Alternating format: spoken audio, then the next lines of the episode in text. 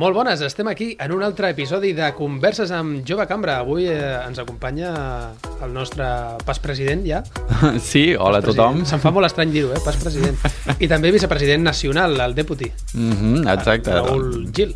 Vaig ser escollit fa Bon poc dia. per, per representar la vicepresidència executiva de la JC Catalunya. Encantat. I també ens acompanya una persona molt especial, el Quim Espinosa, el propietari de la Ràdio Ciutat de Tarragona. Què tal, companys? Bon dia. Bon dia, Quim. Mare meva, eh? quin episodi que tenim aquí, eh? Et tenim en exclusiva o no? Eh, Què, què vols dir? Havies fet abans eh, alguna entrevista? Alguna Aquí? vegada havia fet alguna entrevista justament eh, vinculat normalment al Dia Mundial de la Ràdio, o sigui, no sou originals en això, però sí que és veritat que no, no me prodigo en la ràdio, no soy de, no soy de los que sale en la ràdio. L'equip de la ràdio, ja, els, que, els que estan seguint cada dia ja saben que hi ha uns rostres mm, molt coneguts i jo estic sempre darrere i estic encantat. Eh, una de les coses que vaig aprendre quan vaig en la meva trajectòria trobar el meu puesto i el meu puesto està darrere de les, dels micros i de les càmeres. Molt bé, després parlarem més en detall eh, de- d'una miqueta el recorregut que ha tingut eh, el Quim i, i també pues, aquesta aventura anomenada Ràdio Ciutat de, de Tarragona. Abans de tot, Raül, comenta'n una miqueta les últimes notícies i novetats de, de Jove Cambra. Uh, uh, doncs mira, um, van tenir fa poc això, l'assemblea de, de, de traspàs de poders nacionals, um, la Georgina Matamoros, que la vam mantenir entrevistada aquí fa uns, uns episodis, uns podcasts, si algú no l'ha escoltat ho pot recuperar, uh, va ser escollida, doncs, uh, no, perdó, va fer el traspàs finalment com a presidenta nacional de, de Catalunya per aquest 2023 a la Jove Cambra Internacional de Catalunya. Eh, jo he estat escollit per representar la vicepresidència executiva i eh, tu, Àlex, aquí a Tarragona, doncs ja has passat a ser el president. Una gran responsabilitat, eh? Ja estem treballant, tots plegats, també amb tu, Raül. Ja saps que encara formes part de la Junta. Evidentment. I per tant, eh, pues, eh, això, molt content i molt esperançat i, i a treballar, ara és el que toca. Ara sí ja, Quim, explica'ns una miqueta, com vas començar en això de la ràdio? Per què et va aficionar tant? Abans que res, enhorabona pels Gràcies. nous càrrecs. Eh, a part, deixeu-me fer un incís abans de Jove Cambra. Vale? Soc una persona que ha estat molt vinculada a l'entitat eh, de manera tangencial, podríamos decir, no? Eh, eh, acompanyant una, una honorífica membre de Jove Cambra, com és l'Anna Frisac, eh, vaig, ser el, bueno, vaig ser el primer cavallero de Reus, el primer cavallero de Catalunya, estic molt content, i, i vaig conèixer molt l'entitat i vaig viatjar pel món, gràcies també a mm. Jove Cambra, el qual estic molt content. Así que enhorabona. Eh, yo al final también, aunque no he sigut mai eh, júnior, eh, he format part de la família. I, i, i has treballat eh, com, com a júnior, com si diguessin, fent-nos Sí, sí, doncs, tant. doncs, molts eh, reportatges, o Sí, també, sí, doncs, recordo que vam fer el programa de la Marató Formativa, no?, que, que, que mateix. fer en directe aquí, i, i, I la pandèmia? i us vau encarregar de, de, de tota aquesta marató, que era un seguit de formacions on, online, perquè la gent us pogués seguir online, i, i t'estem molt agraïts, doncs, que encara que no fossis júnior, vas treballar com un mes Sí, sí, i, sí, sí, sí. i, i més i tot. Eh, més vinculat a la jove cambra de, Tarragona, de Reus que la de Tarragona, però bueno, a Tarragona tinc, he tingut sempre molt bons amics i sobretot me'n recordo molt de l'Òscar Ijosa, gran amic meu i la veritat que una de les persones, no, la persona que em va dir un dia que existia una cosa que es deia jove cambra. Vale? Fa molts anys això. Pues, pues tenim una cosa en comú, perquè també l'Òscar va ser el que em va explicar una miqueta que era Jove Cambra, no? I el que em Mira. va animar a entrar. Pues mira. Eh, bueno, Un l'Òscar- gran, un l'Òscar gran home. Sí, l'Òscar era, era molt així. Més tard també parlarem una miqueta de la teva opinió sobre Jove Cambra i ara sí, ja comencem eh, l'entrevista pròpiament. Mm, Com, van ser, eh, el- com va ser el principi del teu recorregut per el món de la ràdio? Bueno, jo, jo crec que vaig néixer a la ràdio. Eh, jo tinc una foto eh, amb un any i mig, eh, amb un micro a la mà, eh, ja començava, no, no parlava evidentment, però ja començava, jo ja sabia que ese era, Uh. mi, ese era mi sitio. Eh, a un hotel a Tenerife, jo sóc mig canari, mig català, i, i ahir vaig començar. I des de petit sabia que em, que, que em volia dedicar a la, a la comunicació, més a la, a la tele, i sempre dic que, ho dic de broma, jo volia ser de petit Mayra Gómez Kemp, que no sé si sabeu qui és, no. però era una presentadora de televisió que feia l'1, 2, 3, i jo pensava, jo de gran vull ser Mayra, no? Vull ser una, una persona que, que, que ha de conduir un, un show televisiu, no? eh, i radiofònic. Els meus Playmobils eren de televisió, perquè sempre jo tenia una unitat mòbil de televisió, sempre he estat jugant a fer ràdio, a fer tele. Eh, un dia vaig entrar a un estudi de ràdio, tindria potser 8 anys o així, i em vaig enamorar. Dic, què és això? i vaig començar a, a tocar les, les, les alcatxofes de la ràdio i, i, dic, hòstia, i vaig començar a dibuixar ràdios o sigui, dibuixar mapes de ràdios i quan anava a puestos m'imaginava com seria una ràdio allà me recordo que tenia una tieta que treballava al mercat del Puerto de la Cruz i jo dibuixava la, un, muntar una ràdio a una parada del mercat o sigui, i tinc les llibretes amb, amb aquests dibuixos i als 14 anys no, als, sí, sí, als 14 anys al, a l'institut eh, la meva mare i el company de la meva mare em van animar escolta'm, si vols fer ràdio, vés a la ràdio però suposo que era per treure'm de sobre en aquell moment. Per passat, no? Sí, per passat. I vaig anar un dia, bueno, bueno, bueno pues, tenc una ordre, pues acato, no? I vaig anar a una ràdio, però vaig anar a una ràdio amb un projecte que el, ho vaig fer amb la meva directora de l'institut perquè no sé, me tenia carinyo i vam fer junts un projecte de programa de ràdio que mai vaig fer, per 14 anys però vaig començar a col·laborar amb la ràdio i a fer, bueno, el que avui és Podcast City mm. no? al final és, no? tot, tot torna, no? O sigui, jo vaig començar a la ràdio fent de col·laborador d'un programa de col·laboradors d'una ràdio municipal i gràcies a això mm, ara mm, em dedico a, a la ràdio i als 14 anys vaig començar a col·laborar a, ràdio, a aquesta ràdio municipal als 16 vaig començar a treballar professionalment a la televisió i als 18 vaig muntar la meva, una emissora de ràdio però una emissora de ràdio amb la seva antena, tot uh -huh. eh, així que bueno, aquest és el meu recorregut i, bueno, i després moltes més coses però com vaig començar? Pues, amb dos anys i un micro a la mà. Sí. Interessantíssim, molta, eh? Molta vocació. Ja des de ben petit, allò ben vinculat al món de la ràdio... I què era, què era el que trobaves que t'apassionava més, no? Per, per què, per què t'interessava tant? Per als micros, per, per, per poder transmetre coneixement a la gent? Què, què era el que més et Mira, captivava? Eh, fa, bueno, que fa, fa molts anys, el, el, no sé, no sé quan...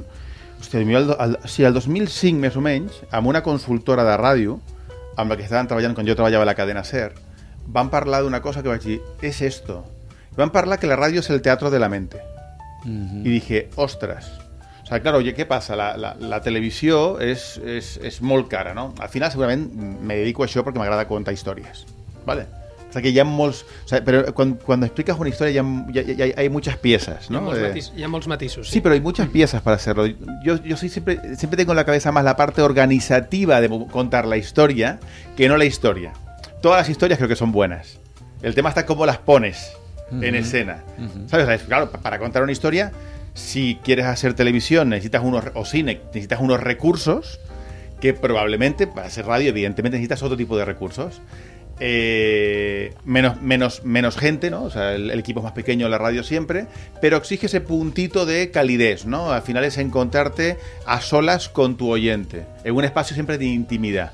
¿Vale? Y por eso la radio siempre me ha, me ha atrapado, ¿no? Porque es, es, es un lugar donde eh, hay una conversación que no existe, porque al final es, ¿no? Tú difundes un mensaje, no hay comunicación realmente, pero siempre te diriges a alguien que suele escuchar en un espacio exclusivo y personal la radio, ¿no? Siempre pienso el baño, el coche, la cocina, ¿no? El cuarto cuando te despiertas. Son espacios siempre muy pequeños. En cambio, la tele siempre se puede consumir, hoy hablo de hoy, ¿eh? porque antiguamente la radio se escuchaba en familia porque las radionovelas se, se disfrutaban en familia.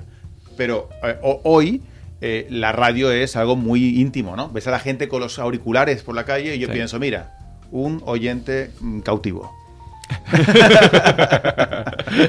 I més ara amb el món del podcast, no? que, que, diguem que ha expandit el tema de la, de la Mm. ràdio, perquè abans, clar, tu posaves... Normalment la ràdio s'escoltava al cotxe o abans d'anar a dormir, Mm. i ara, en canvi, doncs, amb un podcast pots escoltar el programa que tu vulguis a qualsevol hora i a qualsevol moment, no? I, i de, de temes molt diversos i que, i que hi ha pel gust de tothom, no? Vull dir, tinc molts amics que diuen no, però jo escolto un podcast que va doncs, d'alimentació, jo escolto un podcast que va de no sé què perquè m'agrada més, saps? D'esports, per exemple, Sí. que hi ha un munt de podcasts d'esports. Mm, i pots escollir una mica el que, eh, el que vulguis. O no, escolto el podcast de Jove Cambra. ¿no? Aquest és el aparte, pero, pero aparte de estos, eh, de, de este tipo de oyente, que es un oyente muy, de, muy contemporáneo, después está el oyente clásico de radio. Jo sóc un oient clàssic de ràdio.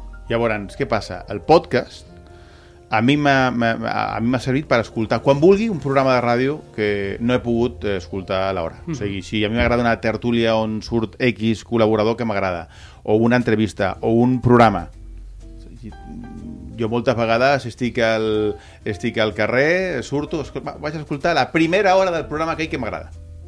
I, I arribo al cotxe i el meu cotxe es connecta amb el meu mòbil i continuo escoltant el cotxe.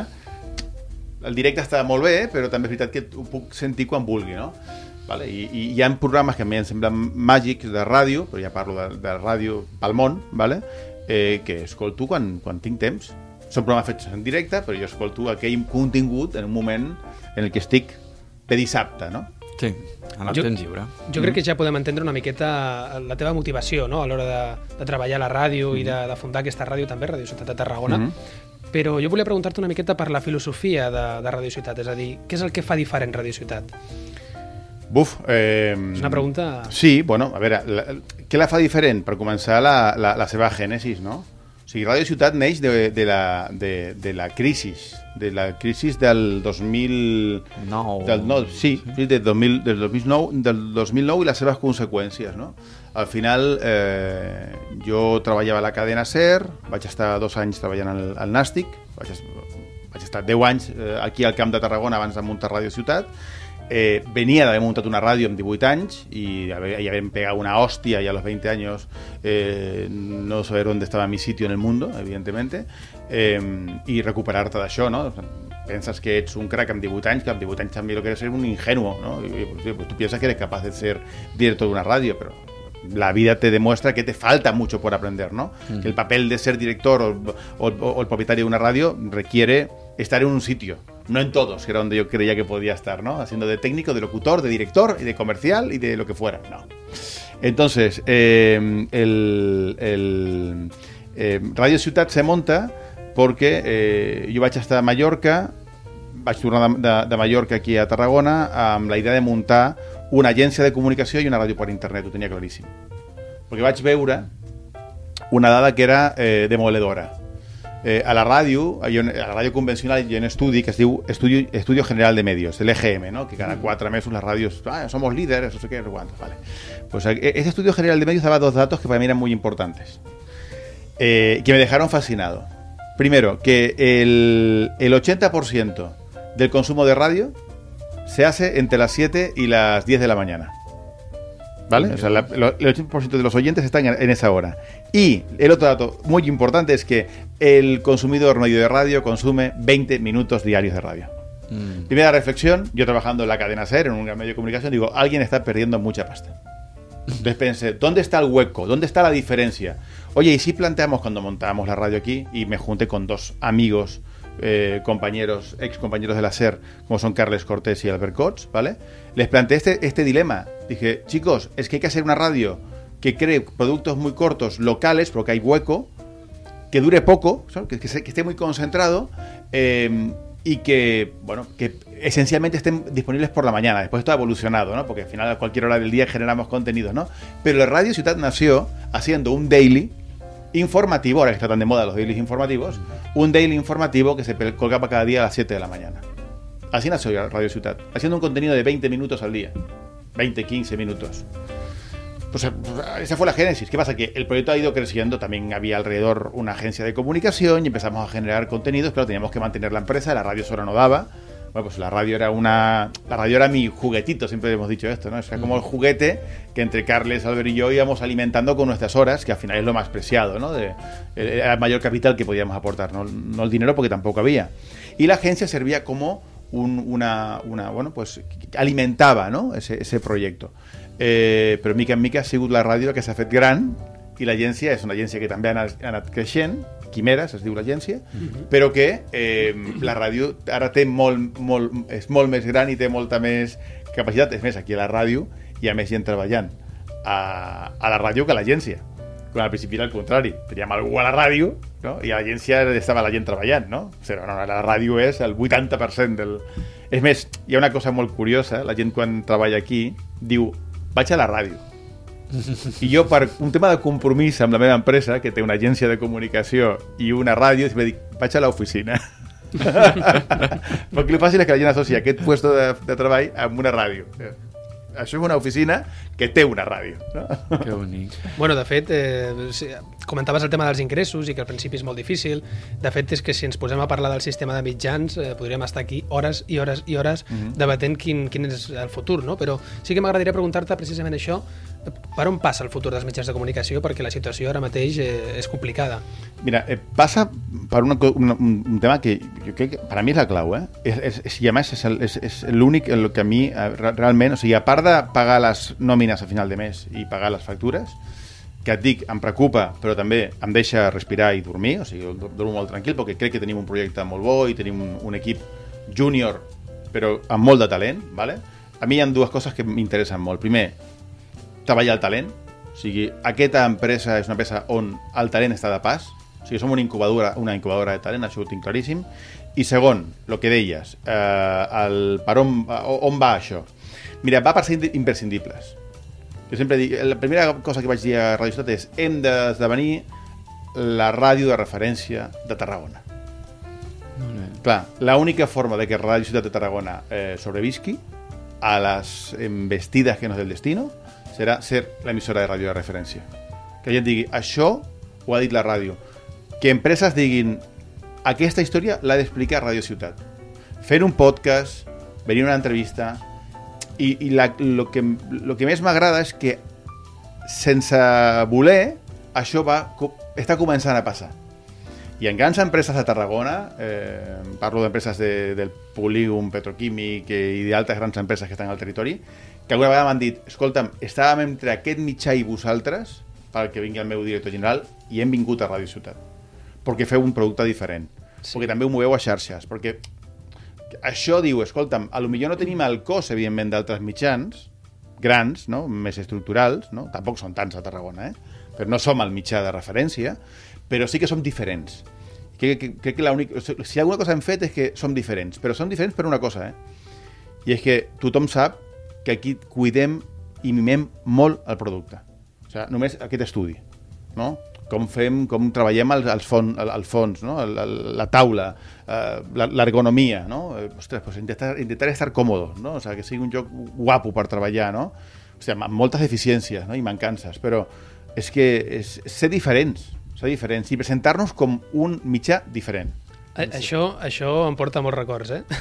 jo com a periodista, que també estic en un altre mitjà, sí, que, sí, sí. que sempre també diem diferent, això, no? Que també Exacte. diferent, també se- diferent. Sempre diem que la diferència és la nostra identitat, no? I realment mm. aquesta és la clau per, pels nous mitjans, diferenciar-se dels ja tradicionals, que, que com bé comentaves, doncs, tenen una estructura molt ben eh, definida, i oferir un producte que, que no s'estigui oferint a la ciutat. Jo crec que aquesta és la diferència que ha portat també eh, Radio Ciutat de Tarragona. No sé, Raül, ens, si ens volies... prenem això sí, com, a, com a el consell principal que hem de donar doncs, als, als oients, als emprenedors que, que ens escolten sempre, que aquí nosaltres al, a, en el podcast ens agrada doncs, entrevistar emprenedors i casos d'èxit aquí a la ciutat de Tarragona i qui millor doncs, en el dia de la ràdio que el director d'aquesta ràdio i, i ens prenem aquests consells no? o, o, o aquestes idees com, com el punt clau que han de tenir en compte doncs, la gent que, que, que estigui emprenent. No?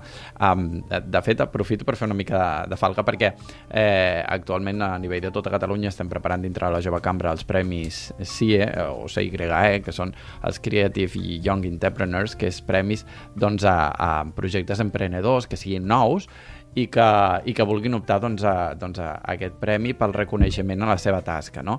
Aquests premis inclouen cinc formacions que es faran doncs, en diferents ciutats d'aquí de Tarragona al llarg del mes de entre mitjans de febrer i el mes de març i després a l'1 d'abril doncs, hi haurà la gala final d'entrega de premis, de premis on poden arribar a guanyar 1.000 euros i si són els guanyadors llavors els hi paga el viatge perquè se'n vagin a la conferència europea que es farà del 24-28 de maig a, a Bucarest, a Romania, de la jove cambra i que puguin presentar el seu projecte allà. I llavors allà poden arribar a guanyar 5.000 dòlars. I si són els guanyadors, llavors poden anar al Congrés Mundial, que es farà al novembre a Suïssa, i poden arribar a guanyar 10.000 dòlars pel seu projecte. No? Eh, ho deixo aquí, teniu més informació a les nostres xarxes socials. Però eh, continuant una mica l'entrevista i perdoneu que, que hagi explicat falca això. ben rebuda No, sí. i mira, i si hi ha alguna important, el product placement, eh, col·locar el, el producte publicitari en el moment correcte és clau. És vital. I ho has fet molt bé. Perfecte. De, de, fet, de fet, el Raül jo crec que és la, la persona més indicada per explicar projectes de jove cambra, ho explica superbé, millor que cap altra persona. Això és veritat, jo sóc eh, testimoni. bueno, I estic molt ficat i, i m'agrada molt, la veritat. Jo volia preguntar-te, Quim, eh, una miqueta, doncs, eh, perquè al final doncs, eh, entrevistem casos d'èxit i, i, i avui és eh, d'aquí, de la ciutat de Tarragona, no? Per què vas escollir Tarragona? Tu que ets mig canari, no? Ho has, mm. ho has dit abans. Mm. Com, com vas arribar a, aquí i vas dir, mira, sí, Tarragona és la ciutat on jo portaré el meu projecte. Com sempre, casualitat. No, no, no. no vas fer un estudi de mercat el viento, aquí. Esto es el viento, el viento. El viento me trajo aquí. Jo vaig, eh, bueno, jo, jo vaig néixer a Barcelona, eh, jo tinc mig, mitja família catalana, mitja família canària, el meu pare era canari, la meva mare és catalana, Eh, I quan vaig néixer, als dos mesos, van, vaig, van marxar a Canàries, no van, no van preguntar, però jo sempre he tingut el coquet de tornar. Jo volia tornar, jo volia tornar... Home, jo... no et van preguntar en dos mesos. No, no, Home. no, no, van, no, van, no van preguntar, van dir, escolta, pues a Canàries, pues allá. Claro, yo solo podía llorar y cagar, no sabía hacer otra cosa. Estaba aprendiendo, además, a aguantar el esfínter, o sea, tenía otros aprendizajes que aprender. Estaba en un momento muy complicado, en mi vida me salían dientes y esas cosas. Pues entonces, que, que, que jo tinc la sort de dir, jo, jo he crescut a Canàries. Mm -hmm. He crescut a Canàries, he crescut a, amb, amb un entorn diferent, evidentment, però jo sempre he tingut la referència de, de Catalunya, no? I sempre, des de petit, culturalment he estat molt, molt, molt, molt vinculat a Catalunya, per la família, mm -hmm. perquè la iaia m'enviava cada mes el cavall fort. Entonces, Ah, molt ostres, important. molt bé, eh? Sí, i el meu, i el meu germà el 13 vents, no? I m'enviava vídeos de tant en tant de TV3, que no havia satèl·lit ni nada, m'enviava vídeos VHS, no? I m'agradava molt venir a Catalunya, veníem sempre al, al, a l'estiu, i per això jo sempre volia, jo, jo he de tornar, jo, jo he d'anar, el meu somni era viure a Barcelona. Mm. Què passa? Que eh, quan després del meu fracàs empresarial i després de la, de la carrera, etc, faig un màster a Barcelona. Vaig dir, aquesta és la meva, la, la meva oportunitat. Vale? Amb 23 anys venir a, a Barcelona, eh, bueno, dic acabar la carrera, bueno, vull dir, vaig acabar la carrera, però no la vaig aprovar, no vaig, me, fa, me falta tota la carrera per aprovar, o sigui, jo la carrera no, no l'he acabat. Jo vaig fer història, però vaig fer història, però no, Ah. però no tinc cap títol. No, pensava que hauries fet alguna No, cosa no, no, no, no, relacionada A veure, amb la ràdio. in, perquè- impossible dirigir una ràdio, aprovar eh, les assignatures d'història. No, no, no. Jo, jo soc, un, soc, soc, soc un historiador frustrat, no he, pogut, no he pogut acabar la carrera, que m'apassiona, per cert. Eh, Tenim diversos historiadors que fan podcast eh, eh, aquí, eh? Sí, sí, sí, ho sé fer. Però clar, però ells tenen el títol. Ells El, els escolta, els escolta. Bueno, pues, eh, sou historiadors, algun de vosaltres? No, no, no. La, la meva parella sí. Ah, vale, molt, molt perfecte. perfecte. Bueno, pues jo soc, jo soc molt fan del que, que, del que acaba la carrera, perquè amb aquells manuals diria que això no es pot aprovar, és impossible. Sí, però, però tu que t'agradava tant la ràdio des de petit, pensar que hauries estudiat doncs, o telecomunicacions o periodisme o alguna cosa més Però és que a Tenerife no, havia periodisme. Ah. ah amigo. Entonces jo pensava, faré història, i faré, un, no, com, com a carrera pont, faré tres anys d'història i després aniré a Barcelona on sigui a, a fer periodisme, el segon, segon cicle. Però, claro, me lié. Llavors, dentro de miliada, muntar una ràdio, bla, bla, bla, no? pues acabo uh, fent aquest màster a Barcelona. Vale? I després del màster acabo treballant a la cadena Ser a Reus. ¿Vale? Por eso llego al Camp de Tarragona. Vale. I, bueno, i això va ser el 2000...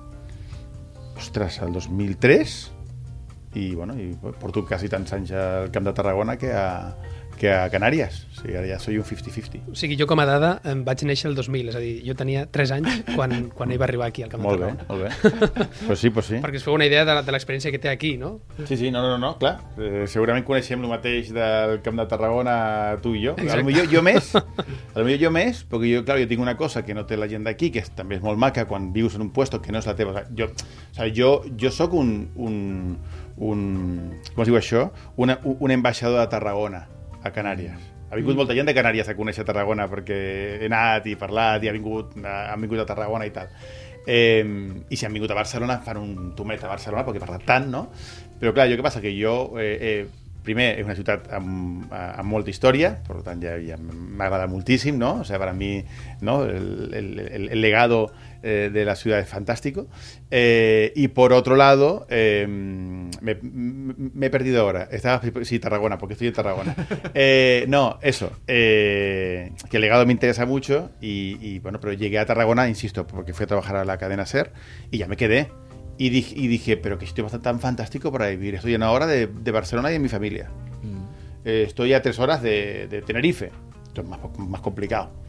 Yo me digo que yo, yo, yo voy mucho a Tenerife, porque tengo allí empresa también. Y una vez al mes voy a Tenerife o cada mes y medio. Y claro, la gente me dice, vas a Tenerife, ¿no? Como si yo digo, a ver, ¿tú de qué pueblo eres? No, Raül, tu de què pueblo eres? Jo d'Altafulla. D'Altafulla. Aquí al costat, I tu baixes molt a Altafulla, o vius Altafulla? Visc a Altafulla. Ah, vale. I tu? Jo sóc tarragoní Ah, vale. i visc a Tarragona. I no, i no, i no teniu cap, cap poble del, del, de la família on anàveu quan éreu petits? Sí, la Fatarella, per exemple, a Extremadura Vale. també, en Plasència, Vale. Cambrils... Bé, jo, re, o sigui, realment sóc nascut a Barcelona, fins als 7 anys hi vaig viure, Sí. però després als 7 anys m'he vingut a Altafulla i soc d'Altafulla tota la vida, però també tenim una caseta als Pirineus i anem sovint allà al, al poblet. Sí. pues, per, perquè tingueu el símil, a anar a Tenerife és anar al Pirineu o anar A la Fatarella. la. O sea, ¿qué, ¿Qué pasa? Que tiene un poquito más de glamour montarse en un avión. Es la única diferencia. y es más incómodo porque son más horas. Però al final és el mateix, no? O sea, jo, vaig, Mm. jo, vaig, jo, jo vaig venir al camp de Tarragona, però sempre he volgut tenir un, eh, el lligam amb, amb la meva altra terra i al final ho vaig fer, perquè si no no, no, no, no ho aconseguiria. Jo vaig a, a Canàries perquè vaig muntar una empresa. Si no, no, no aniria a Canàries. Així que Ja, jo, ja, o sea, és un tema de- de- de- d'anar eh, per, per obligació. I ara hi ha una miqueta més relacionat amb Jove Cambra. Vinga. Tu, que has estat eh, allò codo con codo amb una, Codo con presidenta, codo, amb una sí, sí. presidenta nacional, què et sembla Jove Cambra? Què és el que destacaries de Jove Cambra? Què, què pot aportar Jove Cambra als joves de Tarragona? Mira, Jove Cambra és... Eh, si jo parlo de que Radio Ciutat és una, incuba- una incubadora de talent, vale? Jove Cambra seria el mateix eh, per qualsevol eh, persona que vulgui eh, desenvolupar la seva emprenedoria. I a mi una cosa que m'agrada molt de Jove Cambra i és que aquesta emprenedoria no ha de ser perquè no, no, no, no té que per, Per per què ser empresarial. Vale, això és molt important. Eh, hi ha molta gent a Jove Cambra que, que, que treballa a l'administració pública. I a mi això va ser una cosa que a mi em va sobtar molt. No sé, tota la, a l'època que jo vaig començar el vincle amb Jove Cambra, no? I que hi vaig entendre el tema de l'emprenedoria social. I al final, Jove Cambra el que, lo que fa és posar eines perquè un jove, com, com jo en el moment que, que vaig conèixer l'entitat, tant de bo a Tenerife eh, hubiera conocido alguna vez una Jove Cambra. Perquè probablement si hagués liderat algun programa, que és com, com diuen a Jove Cambra, una, un, Una un- activitat, una, una activitat, un projecte, claro, un programa t'obliga a eh, portar la comunicació, portar el, d'on treus els recursos, portar la convocatòria, portar tot això, no? Que és, és un aprenentatge molt important, perquè tu tens els teus companys, no? els júniors, no? i tens el teu projecte que has de liderar cada any, i cada any lideres un projecte diferent.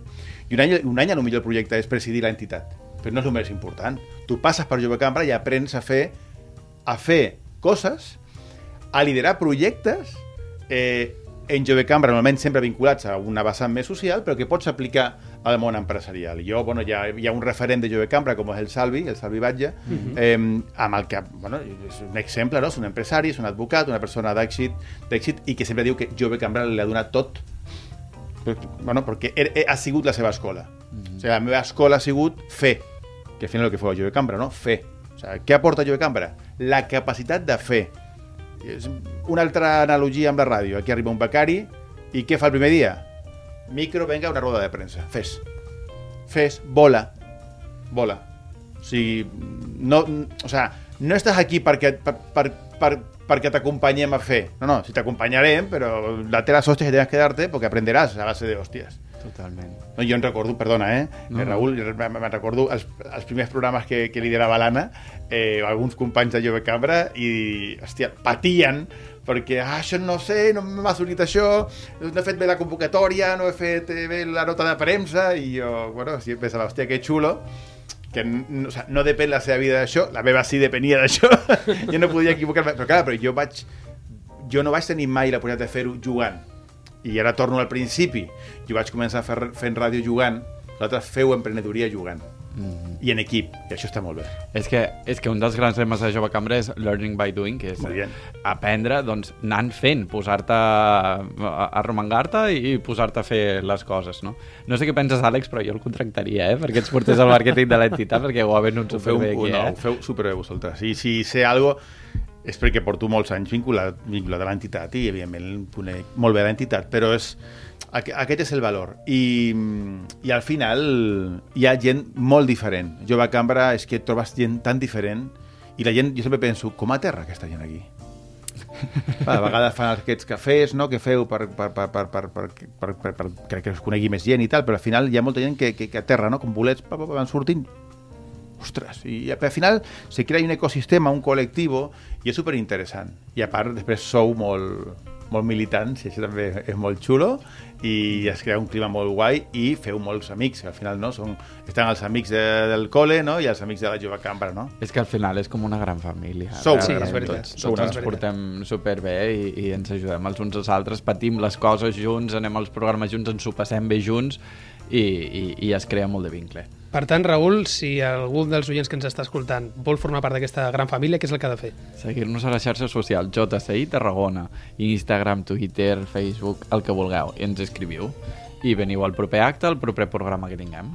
Molt bé, doncs eh, Quim Espinosa, el director... Director no, perdó, eh? propietari, eh? Director ja fa... Imagino que al principi vas començar sent director, no? Sí, i tot, eh, de tot, però ara sóc el, ara tinc un director, o tenim un director, que és l'Eric. Eh, talent també, 24 anys. És un crac, és un crac. un tio jove i aquesta ràdio apostarà sempre pel talent jove i la meva, com dic sempre, el meu, el, la meva preocupació, com la vostra, és dotar de talent la meva empresa, en el vostre cas de la vostra entitat. Molta sort en aquest any, que sempre comenceu i que feu aquest recorregut de 12 mesos amb un càrrec, eh, però sobretot eh, convidar la gent que s'apunti a Jove Cambra. Vale? Eh, M'encanta el seu lema, s'ha d'aprendre fent i aquí teniu les eines, així que molta sort. I visca Jove Cambra Tarragona. Un honor tenir-te aquí, gràcies. Doncs ens quedem amb aquestes paraules del propietari de Ràdio Ciutat, de Quim Espinosa, i ens veiem en el següent episodi. Adeu. Sound, sound.